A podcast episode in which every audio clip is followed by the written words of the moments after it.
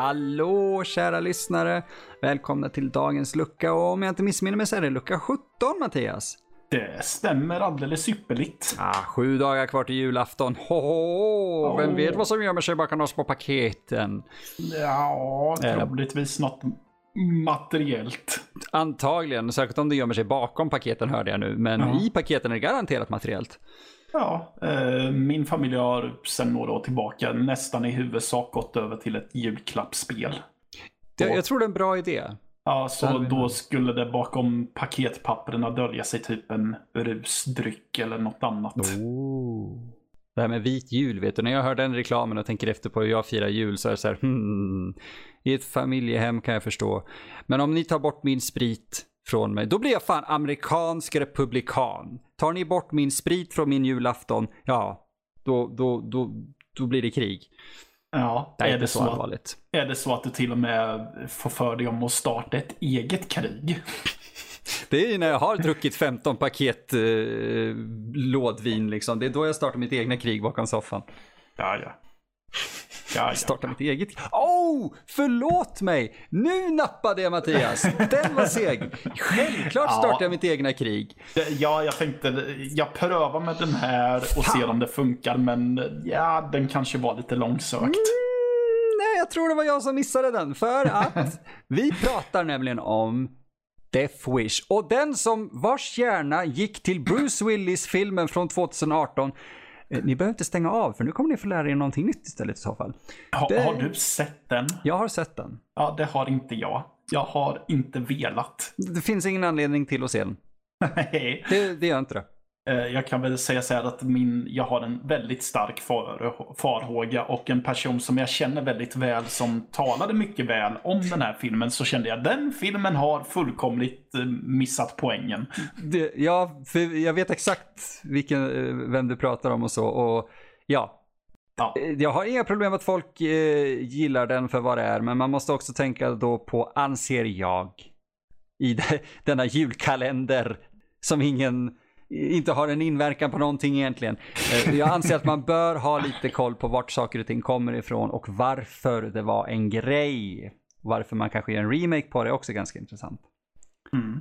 Uh, Death Wish nämligen, Våldets fiende nummer ett som den hette i Sverige när den släpptes här, är en film som har en av mina favorit, vad ska man säga, det, det är lite svårt att klassa honom, eh, vart man lägger honom sådär, men eh, en sån här gammal klassisk hardboiled eh, actor. Vi snackar Charles Bronson. Jag gillar att du typ eh, imiterade honom där också när du sa hardboiled. Tack att det hördes, jag gjorde ett försök där i alla fall.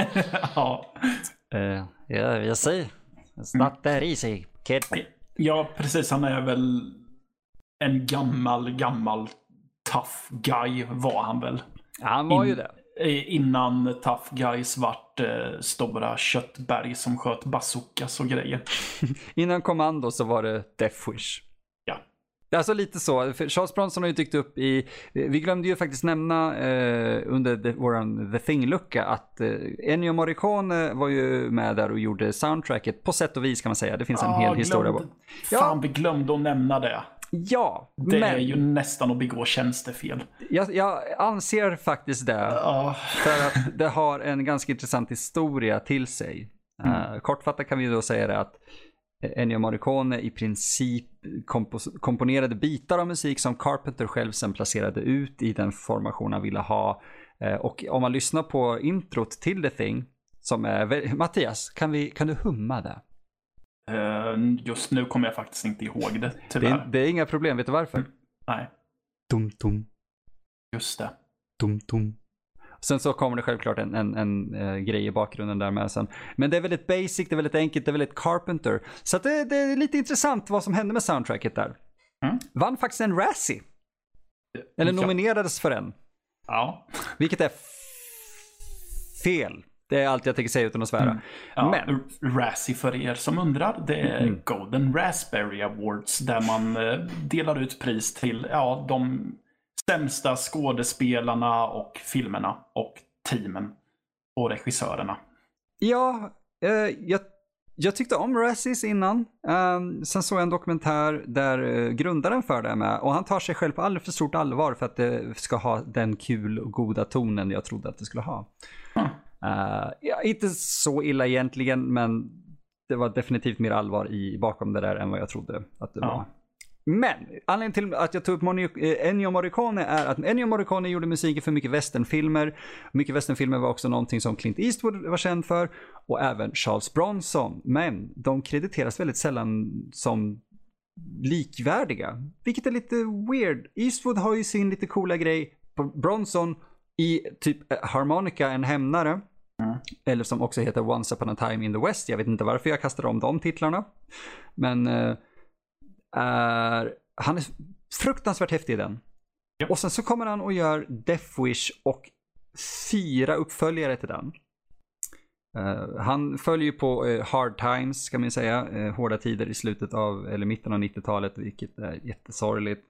Men Death Wish, våldets fiende nummer ett, var en av de här filmerna som gjordes som ett statement mot det våld som skedde i New York under 70-talet.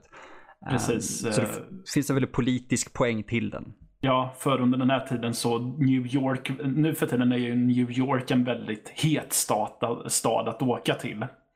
Uh, under 70-talet så var det förenat med livsfara. ja, ja, det fanns ju, det finns planscher eller så små mm. flyers mm. på att gå inte ut under den här tiden och sen typ en dödskalle på regler. Ja.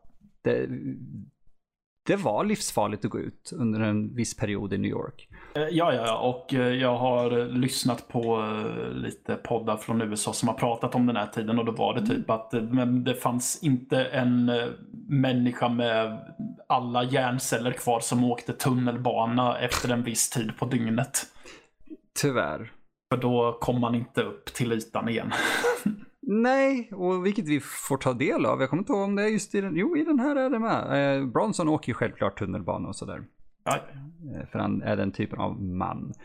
Uh, Death Wish skrevs av Brian Garfield som reagerade lite um, weird faktiskt. Eller inte weird, det är fel att säga. Han uh, ansåg att filmen fick en kontrapoäng mot boken. Boken handlar väldigt mycket om att uh, vad, vad våld, våld och vigilantism, vad ska man säga, civilkurage och medborgargard kan mm. leda till i en dålig mening. Medan filmen nästan, in, inte enligt mig, men han ansåg då att eh, filmen glorifierar det. Ja, och det skulle jag väl säga att jag inte tycker att den gör. Nej, inte på det sättet att man skulle behöva säga att den gör det. Jag vet inte om folk uppfattar den så. Det, det är lite weird i så fall. Det är inte Punisher vi pratar om. Nej, precis. Alltså mm. för... Uh, alltså, jag tänker att jag antar att uppföljarna gjorde mycket av det här. Jag har inte sett någon av uppföljarna så jag vet inte riktigt vad mm, jag pratar om egentligen. Men jag tror att de höjde väl upp eh, eh Paul Kersey mer som en hjälteikon medans eh, i den här filmen han blir ju nästan eh, någon slags skurk egentligen. Ja. Snudd på i alla fall. Det, det, det, det är det som är så intressant. För att mm. den tar upp just uh, det lite, vad ska man säga, rakbladet där. Att, att stå på rakbladet för att han, är han en skurk för att han skjuter andra brottslingar och hindrar brott? Polisen vill ju tillfångata ta honom för det här, men mm. invånarna i New York för det första så räddar han dem och de anser honom vara en typ av räddande ängel. Men han inspirerar också till andra till att ta lagen i sina egna händer och där ser jag att det kan bli ett problem. Ja. Eh, men han har ju en anledning, som alla har när de väl hamnar i en sån sits i så fall. Men han har ju en anledning som eh, involverar Jeff Goldblum i en av sina första roller. Ja, precis. Jag kom på det att vi har inte förklarat vad filmen handlar om. Nej, exakt. Han ja. är en arkitekt. Eh, Paul Kersey, eh, spelad av Charles Bronson, en arkitekt i New York. Uh, han lever ett väldigt lyckligt liv, om man ska säga. Men han ser hela tiden det här, uh, det här våldet som pågår omkring honom. Men det vidrör honom aldrig direkt. Förutom när ett gäng följer med hans, eller följer efter, hans dotter och fru hem. Där de eh, på sedvanligt vis i den här typen av film eh, råkar ut för tråkiga saker som, tråkiga saker är det sämsta ordet egentligen för det, men råkar ut för saker som kvinnor i den här typen av film brukar göra. Ja. Um, och det leder då till att uh, vi behöver inte säga exakt vad som sker där, för jag, jag, vill att man upplever det här så mycket på egen hand som man kan. Men Kersey upptäcker att polisen kan inte hantera det här. Inte det att, uh, inte som i Bruce Willis-filmen där allting blir fucking weird bara. Men uh, Kersey upptäcker att de vet inte, de har inga ledtrådar. Han har det, men polisen tar inte dem. Mm. Men han använder sig av Nej, vänta, vänta, vänta. Förlåt mig. Det är helt fel film nu jag tänker på. Det är nämligen så att de får aldrig tag på brottslingarna. Så är det i den här. Death Wish 1. Så är det. Vi, det. Jag har sett alla de där filmerna så det blandas upp. Nej, men han upptäcker att polisen kan inte sätta fast brottslingarna. Han får inte reda på vilka det är, så de går lösa. Uh, det är ju fruktansvärt. Så ja. han bestämmer sig då för att han ger sig ut efter de brott han faktiskt kan förhindra. Precis. Så där har vi hela premissen.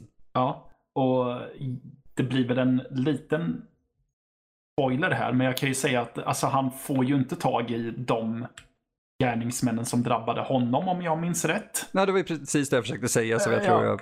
Precis. precis. Eh, men han, eh, som Emil sa, eh, han sätter ju stopp för det han kan komma över, om man mm. säger så.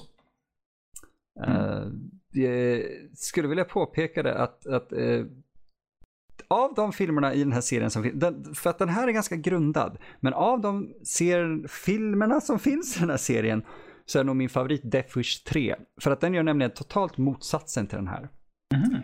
Uh, ja, för den här, du har ju sett den såklart, men den är ju, Vilken? du vet, uh, Death Wish. Alltså första. Ja, första har jag sett. Mm. Uh, exakt. Och den är ju som du vet ganska jordnära, ganska så här jobbig.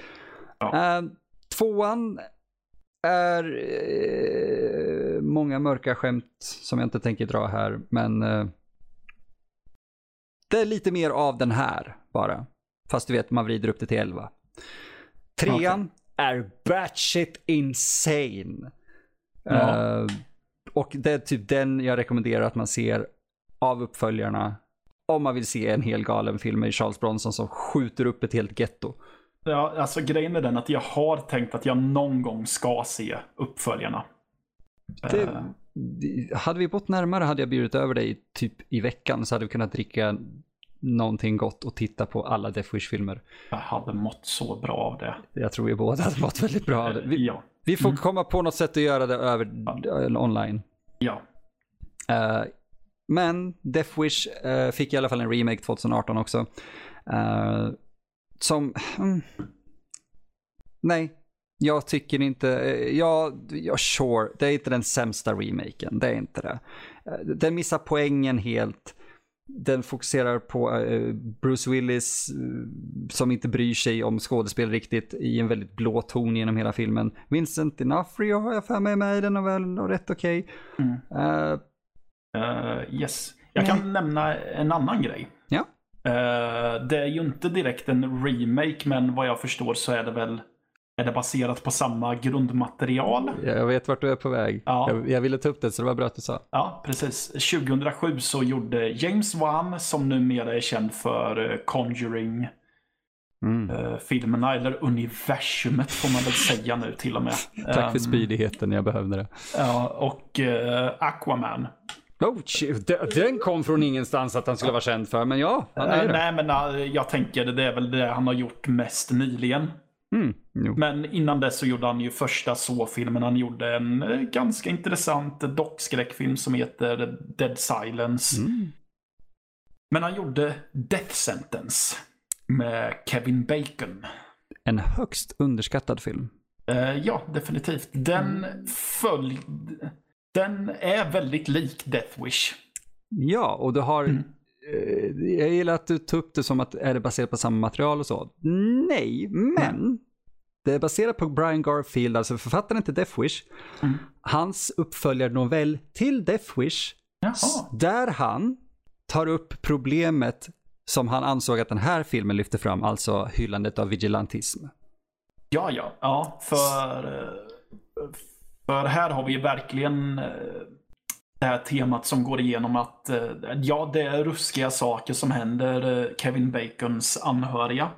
Men ett an en annan grej som är väldigt tydlig i filmen är att om han inte hade gjort någonting så hade saker och ting inte eskalerat på det sättet som de senare gör. Exakt. Det vill säga så. att eh, saker och ting blir värre för Kevin Bacon själv hela tiden. Och det är så, eh, det är en väldigt sorglig situation och historia, men jag älskar också att det är en film som finns. Ja, alltså jag tycker att den är svinbra verkligen. Otroligt underskattad. Ja, Vi kan även påpeka det att det finns en scen i Death Sentence för er som inte har sett där Kevin Bacon har en biljakt ja. genom ett parkeringshus. Den biljakten återskapades senare i vad jag har hört, för jag minns inte, men det var, den biljakten återskapades och fick honom jobbet på Fast 7. Jaha. Ja. Och den är extremt imponerande för en one shot genom ett parkeringshus Japp. med olika våningar. Mm. Herre jävlar. Uh, men Death Wish är en fantastisk liten film från 70-talet som jag tycker uh, borde lyftas upp lite mer som den uh, film det var och idag är. Just Ja. för att det är en liten klassiker. Precis, det är väldigt mycket en klassiker.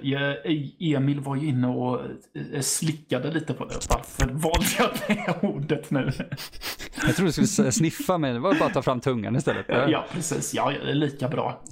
Eh, nej, men du pratade ju om Jeff Goldblum. Ja, Ja, han spelar ju en av eh, förövarna i den här filmen. Precis. Ja. Det är fantastiskt kul att se Ja. honom Jag har för mig om att man får se en glimt av hans väldigt unga ändalykt. Jag tror du skulle säga hans väldigt unga penis. Tack för att du Ja. inte gjorde det. Äh, nej, Eh. ja, den tror jag inte att man ser, men eh, däremot är det lite mer skinkor man får se. Det är definitivt skinkor. Och det uppskattas. Ja, så här i juletid. Så här, ja, och då vill man så gud vad smart du var då. Så jävla snabb. Eh, jag kan ju faktiskt påpeka också att han var ju den som gjorde Death Wish 2 och 3 också. Vem? Um, just, förlåt mig, inte Jeff Goldblum. Jag sitter helt i eh, egna tankar nu. För nu, jag tänkte Goldblums skinka samtidigt som jag tänkte att... Ja. För vi har inte pratat om regissören alls. Eh, Michael Winner. Exakt. Mm. Han gjorde faktiskt eh, ja, tvåan och trean också som kom typ åtta år senare från Canon Films som jag pratade om ett par gånger innan. Ja, precis. Eh, så det är lite kul att han ändå, du vet, följde med och gjorde två till. Ja, jag ser att jag har en film i min samling av honom som jag har sett, men jag kommer inte ihåg så mycket av den. Vilken då? Som han också har regisserat. På svenska heter den Spindeln i nätet. Just det. Den heter Firepower med Sofia Loren, James Coburn och O.J. Simpson. What the fuck? ja, Det namnet för er som inte känner till, vem är det Mattias? O.J. Simpson. Ja. Ehm, han var en amerik... Jag tror att han var amerikansk fotbollsspelare eller om han var baseballspelare från början. Jag kommer inte riktigt ihåg. Oh, vart jag osäker nu med. Men, Ja, men... Och han gjorde lite filmer. Han var med i den här och han var med alltså i Firepower då. eh, Den andra Michael Winner-filmen. Och han var med i Polisskolan. Och även Men han eh, var... Det är Nakna inte det. Han pistolen. vad sa du? Och även, jag ville bara påpeka att han även med, just för att det blir extra kul då, i Ja. Nakna Pistolen 1, 2, 3. Ja. Precis. Eh, för när Eh. tredje kom ut så var han känd för någonting annat. Eh, ja. Och det är att han ehm, Allegedly. misstänks ha mördat eh, sin fru och dennes älskare. Han, eh, ja, men vad jag förstått det som så vart han fälld vid ett tillfälle men vart det friad också. det är jätteweird hela det här Ja. fallet. Eh, Eh, jag säger också misstänkt inom kaninöron för de flesta är väldigt överens om att det, det, jo, han, han har definitivt gjort det. Ja, alltså han är lite fantastisk är ju fel ord att säga, men, men han är rätt intressant att, att kika närmare på. För att han skrev en bok efter, ett, efter att han hade blivit frikänd som hette Jag mördade inte min fru, men så här hade jag gjort det om jag hade gjort det typ. ja, d- ja bra där, hörru. E- Eller hur? Och sen fälldes han eh, typ ett par år senare igen för, eh, om det var typ värdetransportrån eller någonting. Jaha. Så ha, ha, det är Ja. weird. Men eh, ja, Michael Winner hade alltså med honom i eh, Firepower. Ja, som en actionfilm med otroligt mycket explosioner. Bland Film. ja, eh, ja, jag tror att det är den här, eller om det är Delta Force med Chuck Norris. Jag kommer inte ihåg. Det är det första man ser det typ två sekunder av en helikopter som sprängs. Ja, det det. kan vara Delta Force, kommer jag på nu. Det, det är Delta Force, eh, Firepower, allt är fucking canon säkert. Jag kommer Ja. inte ihåg, Firepower kanske inte är canon. Nej, jag tror inte det.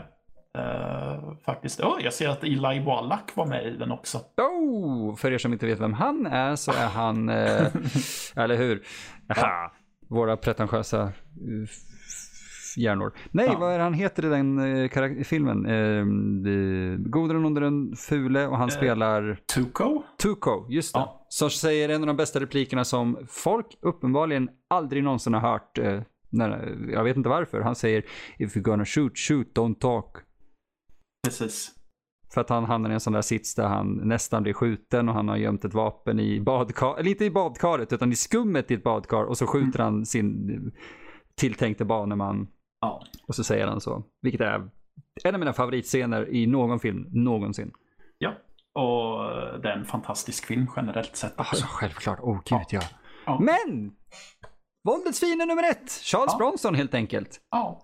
Skulle du rekommendera att man ser den och du är ju självklart sugen på att se uppföljarna, men vad säger du om första? Eh, Jag tycker att första är svinbra.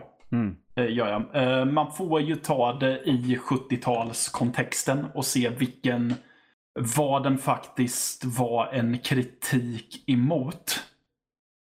Så att man inte tror att det, ja, nu är det en våldshyllande film. Nej, nej, nej. Det här är faktiskt i många sätt en antivåldsfilm. Så eh, ha det i åtanke när ni ser den. Men annars så är den definitivt en re- rekommendation.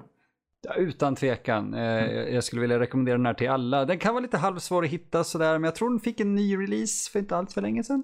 Jag har för mig om det. Ja, eller hur? Jag vet att uppföljarna från Canon släpptes på en Blu-ray DVD combo pack som jag köpte för de var Ja. Ett, fucking amazing. jag kan säga att ett tag så var uppföljarna mycket lättare att hitta än första filmen. Ja, och jag tror det har vänts nu, för nu tror jag att uppföljarna är svåra att hitta igen. Eh, Jag, Ja, det är ju Citera jobbigt. mig inte på det, men Ja, det skulle vara jobbigt för en sån som mig i så fall. tyvärr. Men vi, kan, vi känner folk, vi kan alltid hitta dem. Ja, Eh, Så eh, det var ju väldigt juligt av oss tycker jag. eller hur? Ja, och imorgon, ja då närmar vi oss ju nästa, nästa lucka och ännu närmare julafton. Oh, Ja, jösses. oh, spännande, spännande. Undrar vad vi har bakom skynket då? Ja, det är knappt att jag vet. Det är knappt att någon av oss vet. ja. I alla fall, tack så jättemycket för att ni har varit med oss idag. ja, tack så mycket. Tack så mycket och ni hör oss imorgon. Tjingeling! Adjö.